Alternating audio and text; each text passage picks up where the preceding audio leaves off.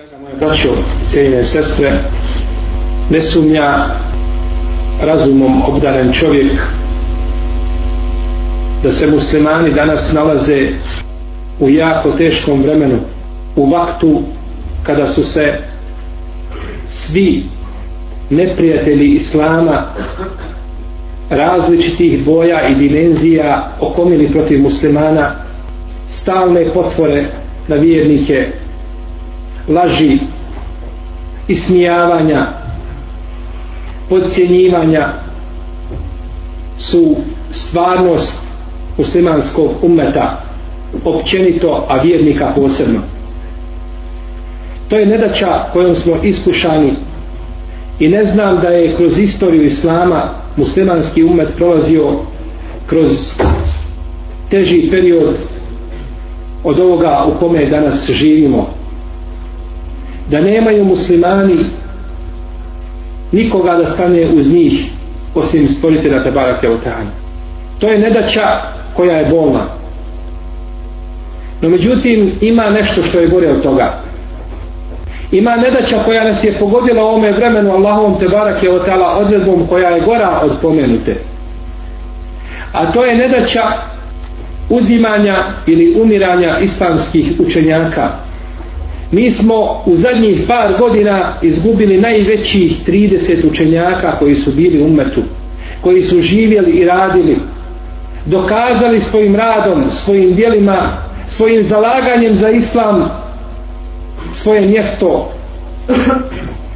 u islamu i mjesto kod muslimana. Bileži imam Buharija u, svojem, u svojoj povijesti imam El-Fesevi i Tabarani spomnje u predaju imame Zehebi u svome dijelu Sijeru Alami Nubela. Od Ammara ibn Abi Ammara da je rekao kada je preselio Zaid ibn Sabit došli smo kod ibn Abbasa i sjeli sa njim u jedan vlad. Pa nam je rekao hakeza zahabu l'ulama dufinel jeume ilmun ketir. Ovako vam izgleda kad umiru islamski učenjaci. Danas je ukopano veliko znanje. Zaid ibn Sabit je bio najučeniji čovjek u ome umetu po pitanju faraida. Kako kaže poslanik sallallahu alaihi wasallam u hadisu, koga bilježi imam hakim i drugi, efradu ummeti Zaid ibn Sabit. Najučeniji čovjek u fardovima jeste Zaid ibn Sabit. Misli se na nasljedno pravo. Na ilmu mevariz. I bilježi imam darini i kada nestane u potpunosti učenjaka tada će biti i njegov kraj. U komentaru riječi uzvišenog Allaha tebarake wa ta'ala ekada javeune enna ne'ti l'arda nenkusuha min atrafiha efehumul galibun zar ne vide da mi prilazimo zemlji, zemlji i umanjujemo je sa njenih krajeva? Uzvišeni Allah kaže da umanjuje zemlju sa njenih krajeva. Po jednom komentaru ovoga ajeta po Ibnu Abbasovom i Mujahidom komentaru ovoga ajeta odnosi se umanjivanje zemlje na uzimanje islamskih učenjaka. Na uzimanje islamskih učenjaka. Jer se vrijednost braćo moje cijenjene sestre jednog društva, jednog naroda jedne sredine mjeri po ulemi koja boravi u toj sredini. Ne mjeri se po običnom narodu. Kada poslanik sallallahu alejhi ve selleme kaže u hadisu koga bilježe Buhari i Muslim Hajru nasi karni, thumma alladine jelunahum, thumma alladine jelunahum. Najbolji ljudi su oni koji žive u ovome vijeku, u ovome stoljeću, potom oni koji slijede, potom oni koji slijede. Na šta se misli? Misli se na učenjake tog vremena. Najbolji ljudi koji su, misli se na učene ljude. Potom oni koji slijede, potom oni koji slijede. I odavde možemo uzeti sebi razliku između učenog i pobožnog. Učen čovjek želi kvalitet, a pobožan želi cifru, broj, želi kvantitet. Kaže poslanik sallallahu alejhi ve sellem u hadisu koga bilježi imam Tirmizi i Abu Davud, imam Ahmed od Abu Darda radijallahu anhu. Fadlu alimi ala l'abidi ke fadli l'kameri lejlete l'bedri ala sajri l'kevakim odlika učenog čovjeka nad pobožnim je kao odlika mjeseca 14. lunarnog dana kada je bedr, kada je pun mjesec na drugim zvijezdama. Kada je pun mjesec ne trebaju nam druge zvijezde. Niti druge zvijezde imaju kakve uloge. Jer je mjesečeva svjetlost u ovome slučaju ugasila mjesec, e, svjetlost zvijezda. Kao što sunčeva svjetlost kada se pojavi dan ugasi mjesečevu svjetlost. Pa ponekad ćete vidjeti skupa sunca i mjesec, no međutim mjesec ja bio, ja ne bio, isto vam dođe. Zato što je sunce to koje sija. E isto u ome slučaju kaže poslanik sallallahu alaihi wa sallame da su učeni ljudi u odnosu na pobožnjake kao mjesec kada je pun u odnosu na druga sazvježdja i druge zvijezde. I kaže u hadisu koga bileži imam tirmizi tabarani u debu umame radijallahu anhu fadlu l'alimi ala l'abidi ke fadli ala idnakum. Odlika učenog nad bogobojaznim je kao odlika mene nad najnižim od vas. Ako pogledamo poslanika sallallahu alaihi wa sallam i njegovu odliku koju ima i pogledamo ashaba koji ima najnižu deređu najniži stepen kod Allaha te barake o teana ta usporedba liči usporedbi učenog i bogobojaznog potom kaže poslanik sallallahu alaihi wa sallam u ovome hadisu nastavljajući inna Allahe wa malaiketehu وأهل السماوات والأرضين حتى النملة في جحرها والحوت ليصلون على معلم الناس الخير U istinu Allah i njegovi meleki i stanovnici nebesa, sedam nebesa, i stanovnici zemalja, sedam zemalja, čak i mrav i riba u morskim tminama blagosiljaju onoga ko poučava ljude dobro. Blagosiljaju onoga ko poučava ljude.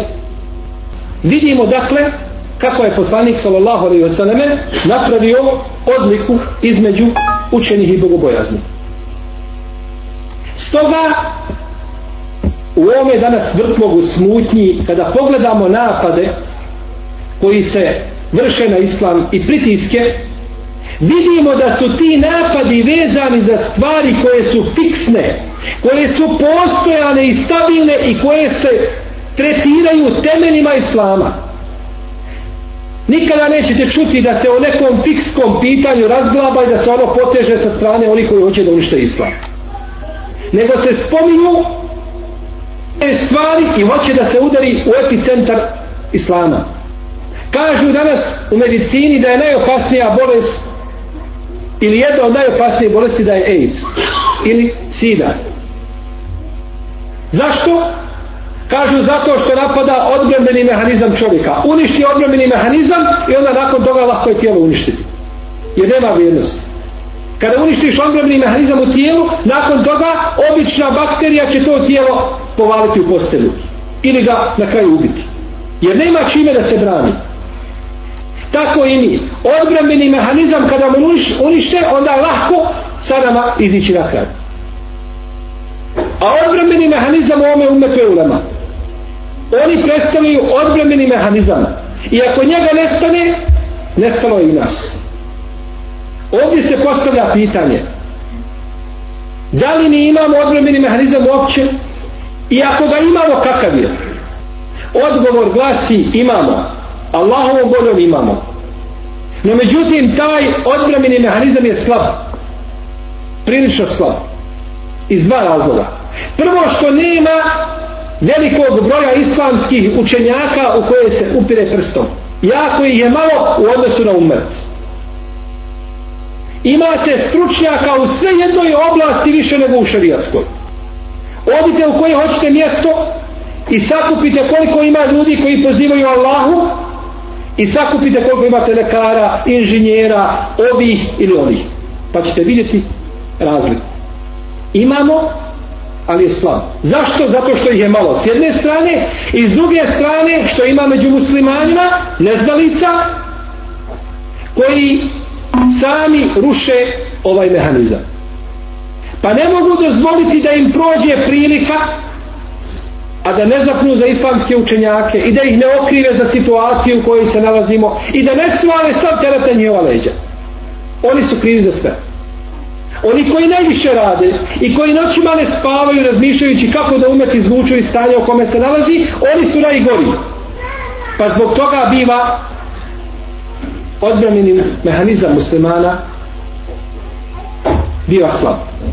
Uzvišeni Allah te barake o ta'ala kaže u Kur'anu Nun wal qalami wama yasturun. Nun tako mi pera i onoga što u redove stavljaju, u redke što stavljaju, što zapisuju. Kune se uzvišeni Allah te barak i ta'ala perom. Ne perom kao sredstvom kojim se samo piše, nego rezultat koji se dobija od toga pera, a to je znanje koje se prenosi. Tako mi je Allah da nije Allah stvorio te barek od ova pera, a pero je prvo što je uzvišen je Allah stvorio. Kako je došlo u hadisu kod Tirmizije i kod Ebu Davuda i drugih, od Ubade ibn Samita kaže, prvo što je Allah stvorio, evvalu ma halak Allah el kalem. Prvo što je Allah stvorio je pero. I rekao mu piši, šta da pišem? Piši, kaže ono što će biti do sudnjega, do sudnjega dana. I da nije bilo pera, ne bi do nas došlo znanje koga danas imamo. Ne bi ga bilo moguće prenijeti nikako. Ebu Hanife, rahimahullahu ta'ala, kaže Draže mi je da pričam o istoriji islamskih učenjaka i o njihovoj biografiji nego dosta tih poglavlja fikha o kojima govorim. Jer ako je fik poznavanje propisa, što je svakako bitno islamu, isto tako poznavanje istorije islamskih učenjaka i vezanje za njihovu ustrajnost i pozivanje na njih i ugledanje na njihov trud koga su ulagali u širenju Allahove vjere je isto tako bitan segment u čovjeku istrajnosti. Pa ne možeš istrajati bez znanja, ali ne možeš istrajati i bez onih koji su bili prije tebe. Uzvišen je Allah te barak je odjela u Kur'anu spominje 18 poslanika jednog iza drugog i na kraju kaže Ulaike alladine hada Allah te bi hudahu muhtedi to su oni koje je Allah uputio i ti se drži njihove upute Hoće kazati, bio je o Muhammede, bili su poslanici prije tebe, bili su dobri prije tebe koji su usred, moraš iti usred. I kada je Allah te barak je odjela objavio poslaniku sallallahu alaihi sallam suru Jusuf, koja nam govori o događaju tog častog poslanika, vjerovjesnika, Allahu te barake o ta'ala, objavio je u Mekki, kao da mu kaže, ja Rasulallah, o Allahu poslaniče. pogledaj kako je Jusuf prolazio. Bio je nejak, pa je bačen u bunar, pa je potom prodan kao rob, pa je živio, pa je završio u tamnici, no međutim na kraju je završnica bila u njegovu korist. I u korist vjere i dina, o Muhammede, i ti ćeš tako biti, samo ugledaj se na Jusufa. Moraš proći kroz iskušenja, moraš dokazati svoj iman, moraš istrajati i nakon toga će sigurno doći šta? Allahova te barak je od pobjeda. I ti ćeš biti onaj koji će biti gornji. Pa je tako poslanik sallallahu sallam uradio. I mi se tako pozivamo kako na poslanike, tako isto gledamo i u sinu islamskih učenjaka i u njihovu biografiju i crpimo iz toga snagu koja nam daje energije da ustajemo na ome, na ome putu. Imam Sujut je imao tri godine kada ga je njegov babo dorosio kao malo dijete da sjedi u halkama kod Ibnu Hađara Laskalanije. Imam Sujuti je umro 911. a Ibnu Hađar 852. hiđarske godine. Ne sjeća ga se ali kaže moj me je babo sa tri godine nosio te halke i ponosio se time. Jer su smatrali bereketom da dijete dođe i da uči kod šeha da se poučava za nju možda u tom momentu kada, do, kada je dolazio nije znao šta je to. Ali kada je umro Ibn Hađeva Skalani i kad su vidjeli kakvog su učenjaka hadisa izgubili i kako je rana ostala na islamskom umetu jer nakon njega nije došao nikada kao on I slušao sam neke šefove današnjice, kaže, nisam nikad vidio pametnijeg čovjeka za hadis nakon Buhari i Muslima od Ibnu Hađara Laskalani. Pa je dolazio njegov babo sa imamom sujutijom i držao u tim halkama. Šta je bilo za očekivati da imam sujuti bude nego ono što jeste? Kada je sa svojim dojenjem počeo dolaziti u halke i sticati znanje. Pa je zato čovjek napisao šesto dijela šest stotina dijela ima svojih napisano. i vidite da je to jedna enciklopedija znanja ko pogledao njegova djela stoga draga moje braće i cijenjene sestre mi smo u našem prošlom predavanju pričali o islamskim učenjacima i vidio sam da je nedovoljno ono što smo kazali nego da nastavimo još nešto kazati o tome jer je tema jako bitna naročito za vrijeme u kome živimo kaže pjesnik arapski meta jeblugu li bunijanu jeumen tamamehu iza kunte tebnihi o gajduke jehdimu kada će to građevina koju gradiš biti završena ako je ti gradiš a drugi je ruši? Kada će imat umet svoju čast i svoj ponos? Ako ulema nastoji da izgradi taj ponos a drugi ruše tu istu ulemu. Neće nikada doživjeti svoj kraj neće vidjeti svoj ponos. Dvije sekte u islamu su zalutale otišle sa pravog puta zbog učenih ljudi. Jedna je šije a druge su haridžije. Haridžije nisu poštovale ulemu nisu poštovale ashabe nisu poštovale najučenije ljude u to vrijeme. Nego su prema se njima obhodili kao prema običnim ljudima. Čak su neke tekfirili od njih i tako dalje. Pa su zalutali. Jedna krajnost a s druge strane su došle šije pa su kazale ne, naši imami su ne pogrešili ovi su spustili u nama na stepen na koji se u nama ne smije spustiti. A ovi su i digli na stepen na koji se nikako u nama ne smije dići da su ne pogrešili pa su zalutali jedni i drugi. Pa imaju svoje nepogrešive imame čije je mjesto kod njih kako oni kažu bolje od mjesta poslanika pa zalutali jedni drugi. A ehlu sunnet je na sredini. O kedalike džalnakom umeten wasatan li tekunu šuhedaja na nas o je kuna rasulu alaikum šehida i vi ste srednji umet, najbolji umet. Hodite srednjim putem. Niti idete u jednu niti u drugu krajnost. Niti u krajnost pretjerivanja niti u krajnost nedotjerivanja. No i idete? Srednjim srednjim putem. Nećemo vrijeđati ulemu ali ih nećemo dignuti na stepen da je ulema ne pogrešila isto tako. Vama je svima poznat veliki imam ovoga umeta koji se zove Katade.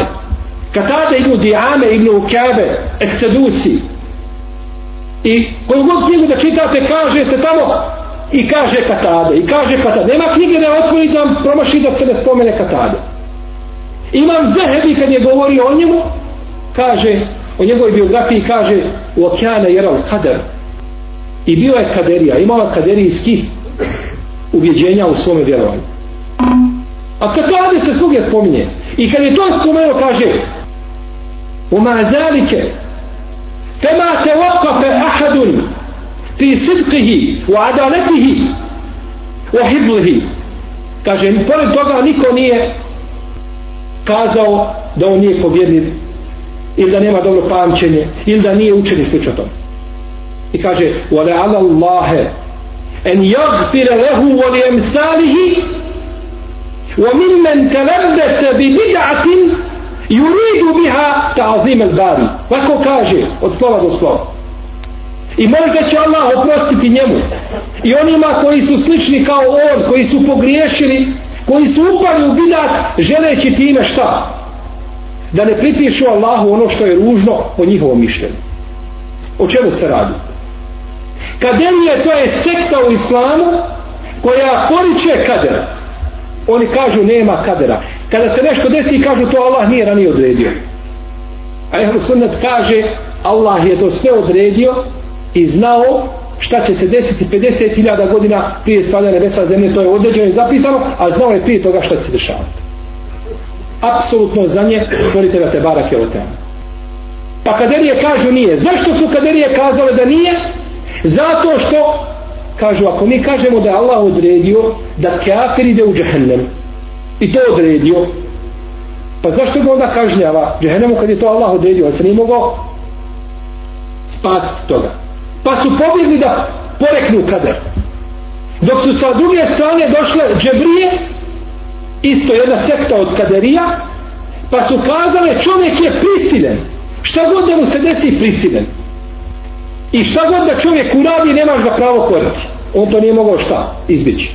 Mi kažemo sve što čovjek uradi, to je šta? Kader. Da se čovjek popre na deseti sprat i skoči na glavač, je to kader?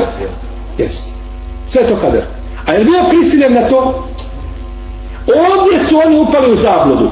Može biti kader i može biti određeno iz Allahovog te barak je otala apsolutnog znanja. No međutim to ne znači da je bio prisiljen na taj čin. Dvojica ljudi sjede i zauči je zan. Jedan ode na namaz, drugi ostane sjedi u hladu i pije čaj. Ni jedan i drugi nisu prisiljeni. I jedan i drugi imaju pravo slobodnog izbora. Odaberi šta hoćeš. Tačno, Allah je odredio šta će biti zbog svoga apsolutnog znanja, ali te nije prisilio, ti si mogao odabrati jedno od drugo. Pa su tu zalutali. Kaže se kaderije i džebrije. I poneki učenjak ehlu sunneta je upao u taj bidat. No međutim, pogledajte šta kaže ima Zehebi za Katadu.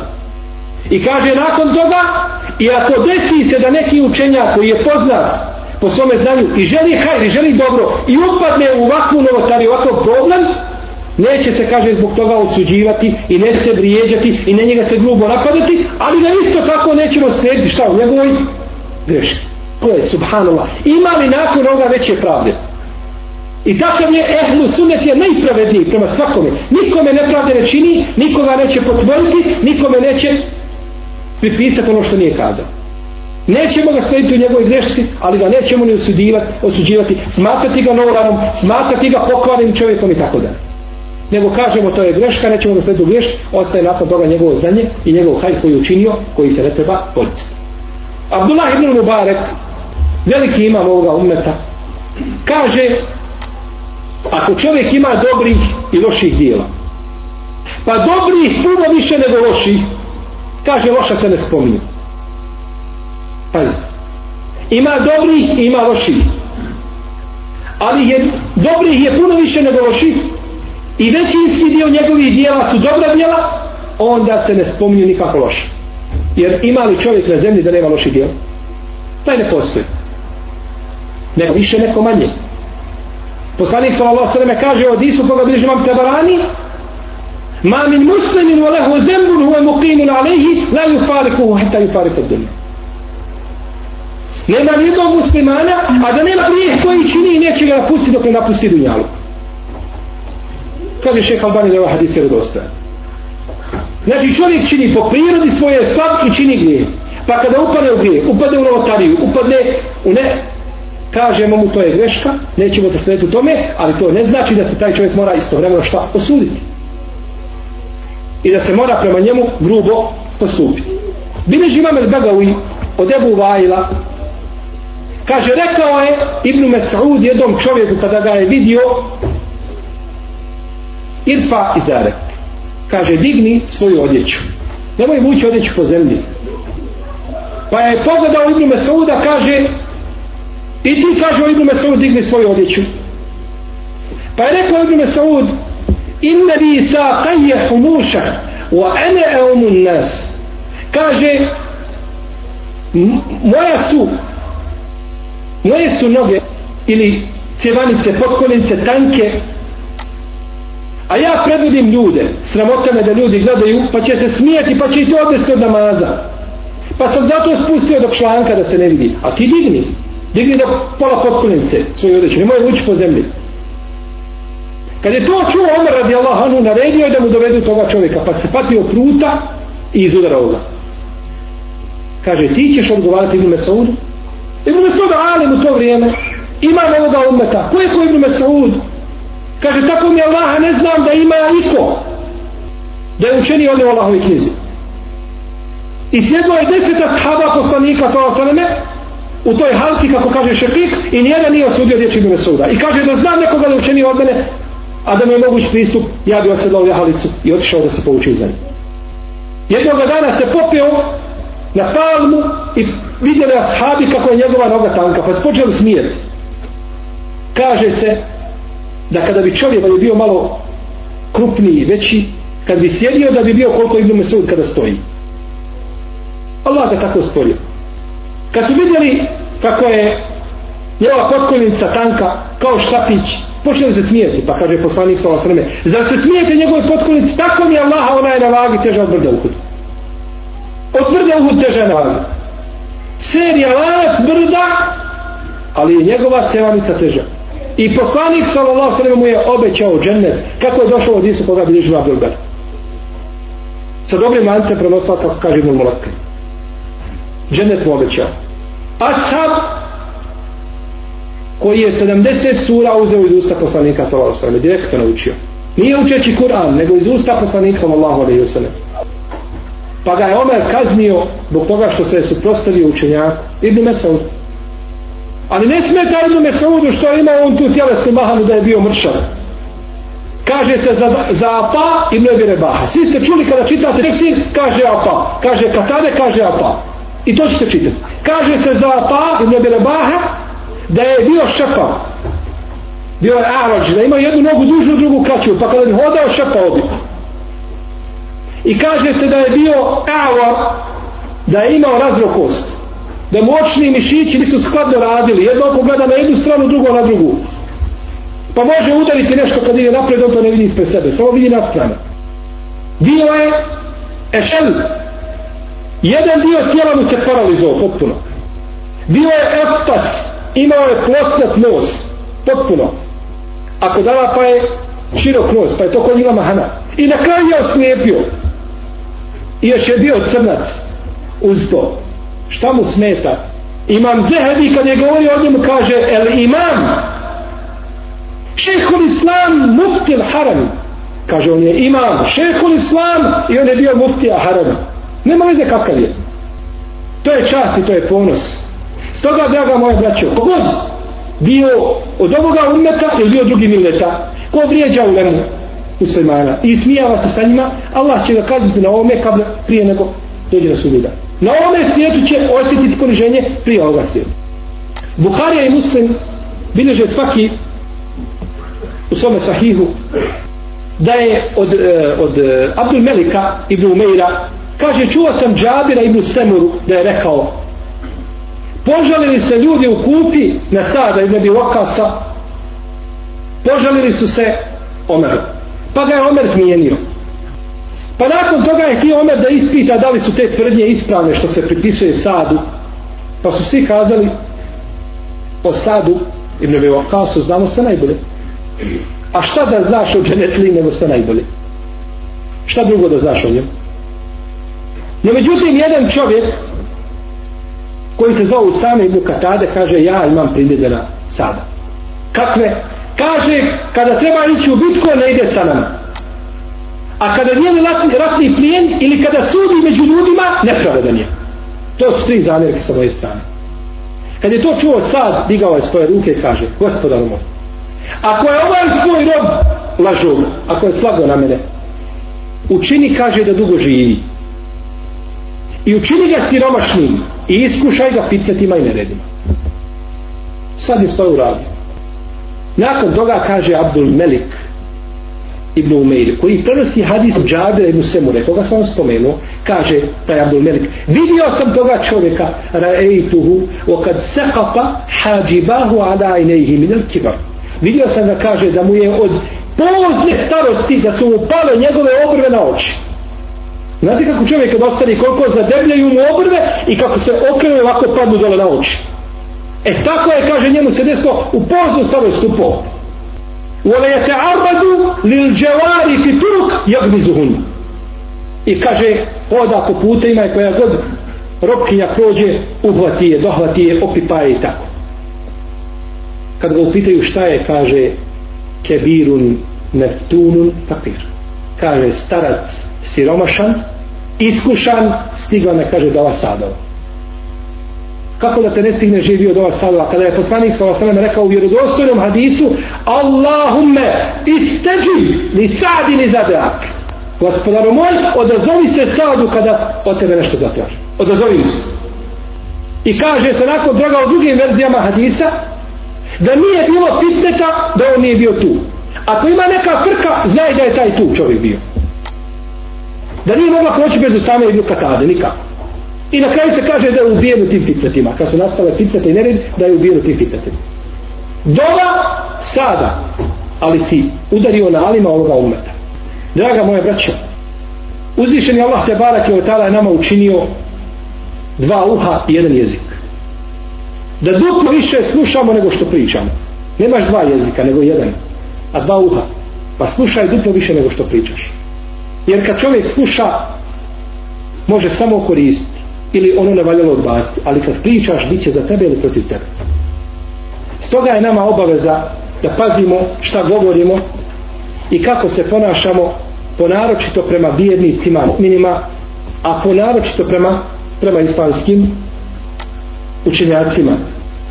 Bileži imam Ebu Nuaym u svom dijelu Hilije od Sufjana Seurija da je govorio kane ju kal govorili su husnul edebi yutfiju gadaba rabbi azza wa jel lijepa etika lijepo ophođenje, kaže trne i gasi Allahu srđbu te barak je i bileži imam al-Qarafi u svome dijelu al-Furuq od Ruejma ibn Ahmed al-Bagdara da je govorio svome sinu kaže ja buneje iđe an ameleke milhan u edebeke dakikan kaže sine moj učini djela koja činiš. Neka ti ta djela budu kao so.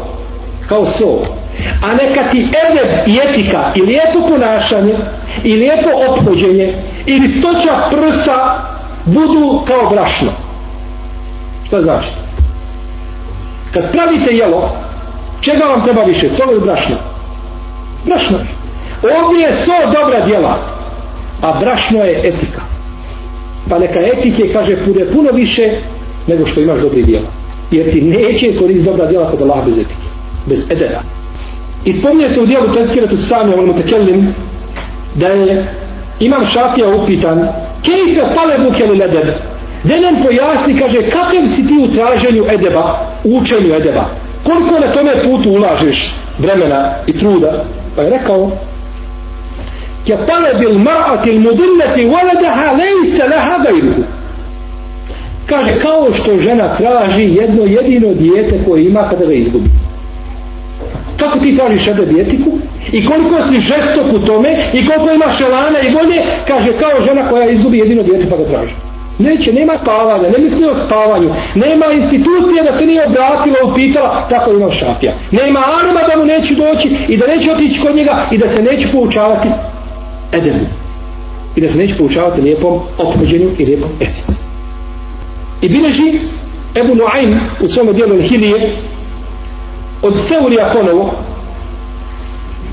da je rekao kjana rađulu iza rade en jektubel hadith te edebe kable zalike bi išine sene kaže kada je neko htio u njegovo vrijeme da piše hadis da prepisiva hadis i da uzma hadise 20 godina bi kaže prije toga učio etiku jedebe pa bi onda pristao pristupio pisanju hadisa 20 godina prvo prođeš kurseve pa onda dođeš da radiš odgovoran posao pripremiš se da budeš kvalifikovan da radiš na određenoj mašini, na određenom uređaju, na određenom stroju, pa onda prvo položiš pa voziš, tako je to.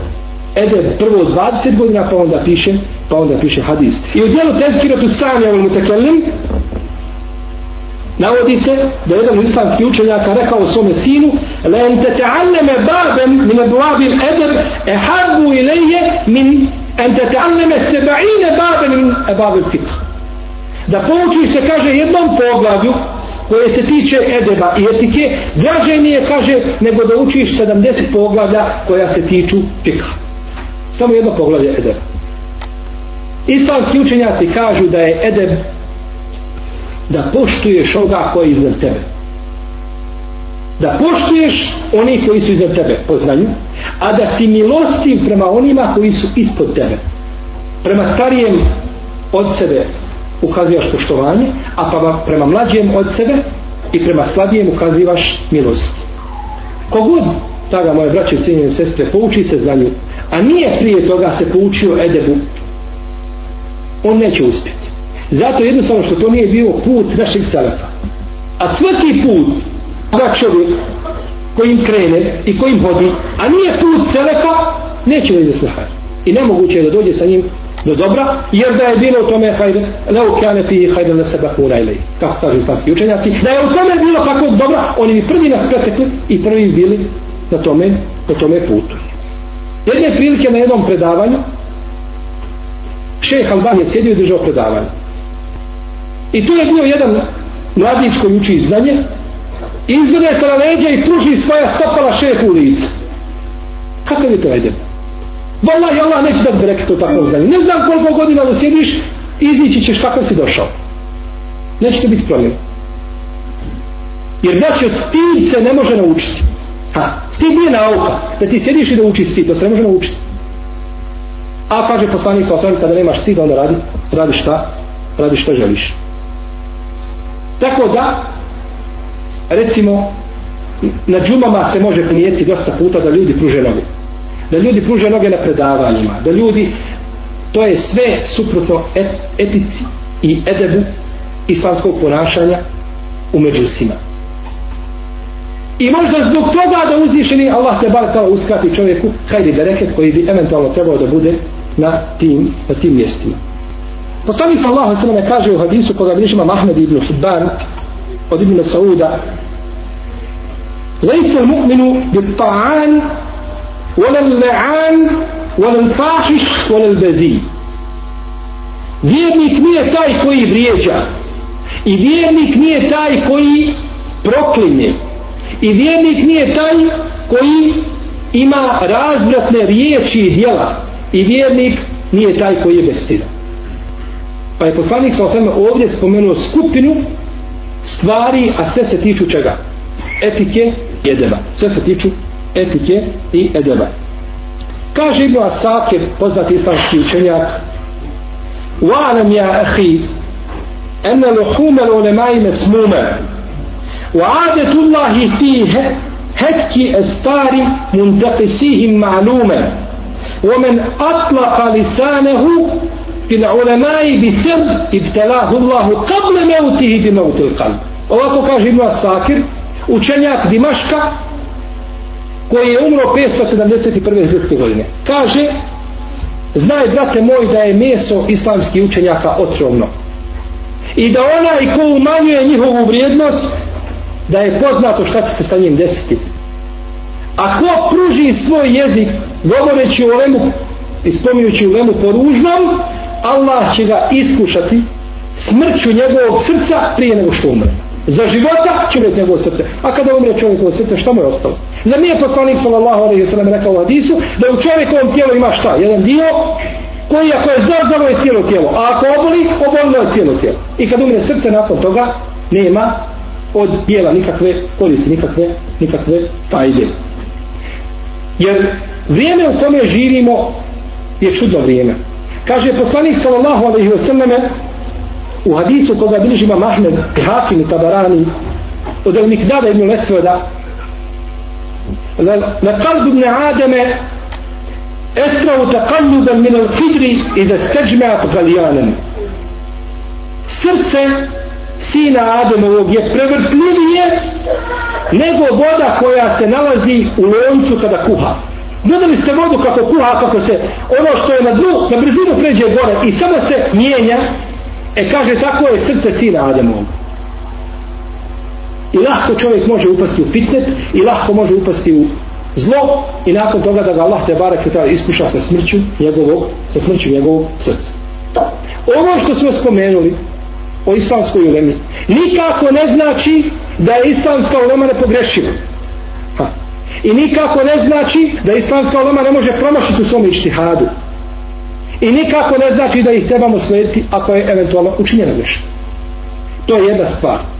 I to bi bila jedna krajnost da isledimo u tome. Ali isto tako druga krajnost vrijeđanje i umanjivanje njihovog kadera koga imaju kod koga uživaju kod muslimani.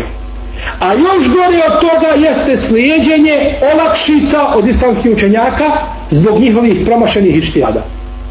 Ako je učenjak promašio ištijadu i da ga ti slijediš u tome znajući da je promašio, to je najveći musibet koji može biti i to je nepravda opet prema ulemi. Jer taj alim nije tražio da ti tražiš njega. Jer svaki od nije kazao šta? I da sahal hadisu fehuemel sebi, tako? ako nađeš vjerodostojan hadis, to je moj mesel. I svaki se je vraćao na hadis i svi su sveli hadis i niko od njih nije govorio po svome mišljenju. Bez dokaza. Osim ako nije imao argumenta da ići ti hadi i tako dalje, no međutim nije tražio od tebe da slediš olakšit.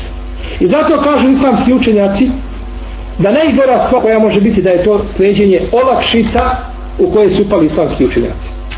I zato kada je jedan došao od jednog od halifa, ne sjećam se tačno koji je bio, sa knjigom sakupio sve olakšice od islamskih učenjaka. Kaže, pogledaj, šta misliš o ovoj knjizi? Sve olakšice, a nikakve osnove nemaju. Pa moj udario 80 bićeva i zapalio knjigu. Šta bi bilo te vjere da ti uzmeš od svakog olakšicu?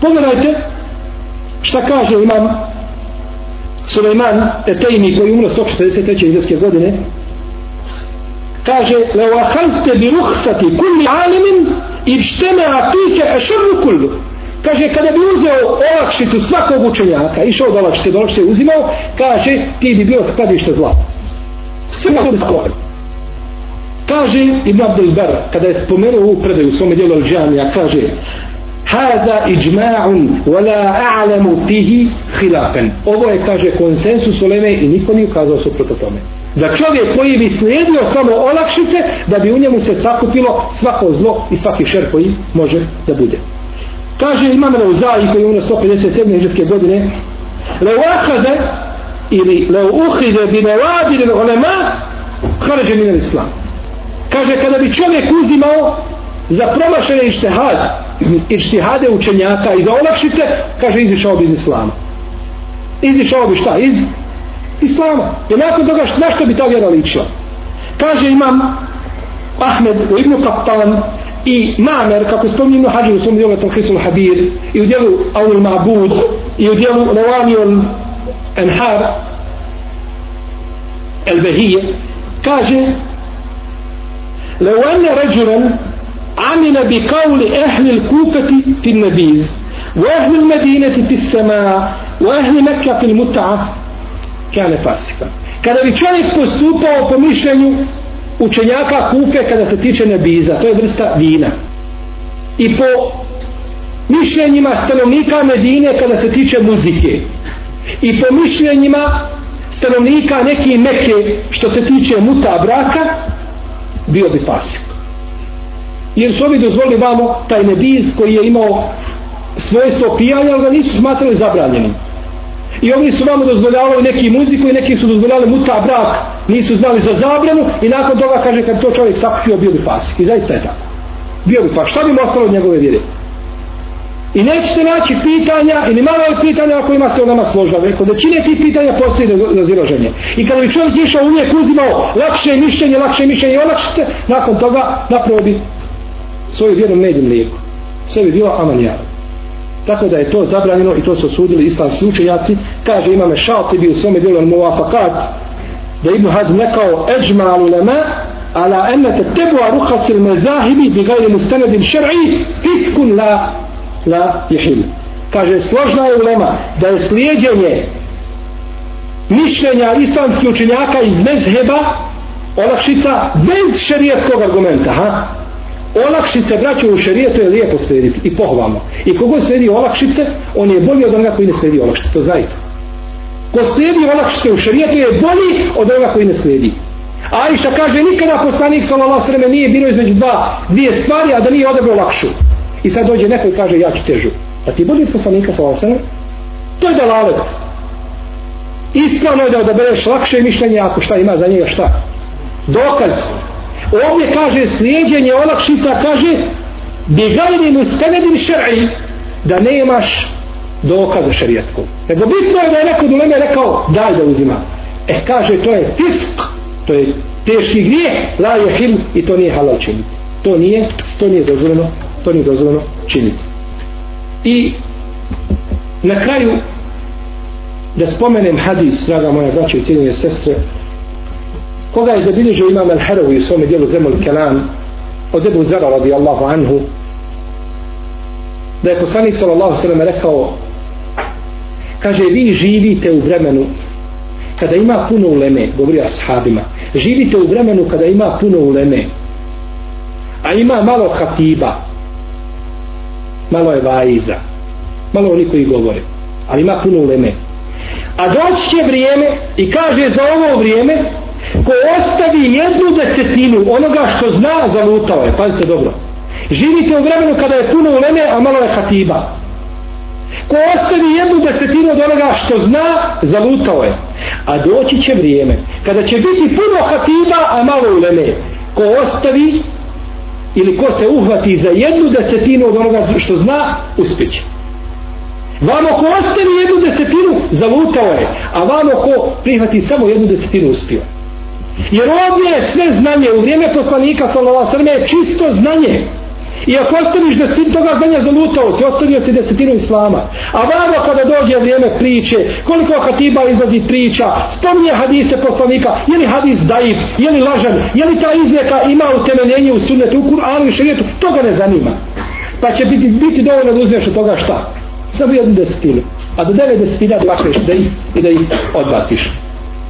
Za ovu predaju kaže šeha Albani da je vjerodostojna. No međutim, kod islamskih učenjaka je poznato da su ovo riječi Ibnu Mesauda da nisu poslanika sa osadame. No međutim, kaže šeha Rahmetullah Alej da je predaj Ibnu Mesauda kao riječi poslanika sa osadame da ima svoju potporu, da ima više puteva pa je pojačao i a, kaže znači ukazuje na njenu ispravnost. I na osnovu ovoj predaje Allah se može napre, mogu se napraviti predavanje. Može se uporediti između dvije generacije. Između generacija sahaba i tabina i, i te odabrane skupine, odabranih pokoljenja i stanja u kome se mi danas nalazimo.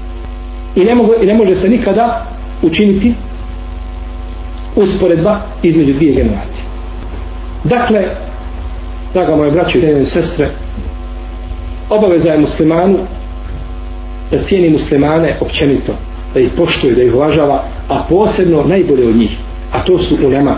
To je odbrani mehanizam ovoga umeta, koji kada nestane, onda će nam zemljena utrova biti bolja od njene površine. Molim Allah te barak da nas upute na pravi put, da nas učuje se u islamu, da poveže naša srca, da popravi naš odnos prema našem gospodaru, prema našim učenjacima i da popravi naše djela, naše stanje i stanje naših porodica, da pomogne muslimanski ummet i da nas proživi u društvu sa našim poslanikom Muhammedom sallallahu alaihi wa sallam iskreni objeni šehidima hadili svoje društvo يقول ما تسمعون واستغفر الله لي ولكم فاستغفروه انه هو الغفور الرحيم الله تعالى اعلم صلى الله على نبينا محمد وعلى اله وصحبه اجمعين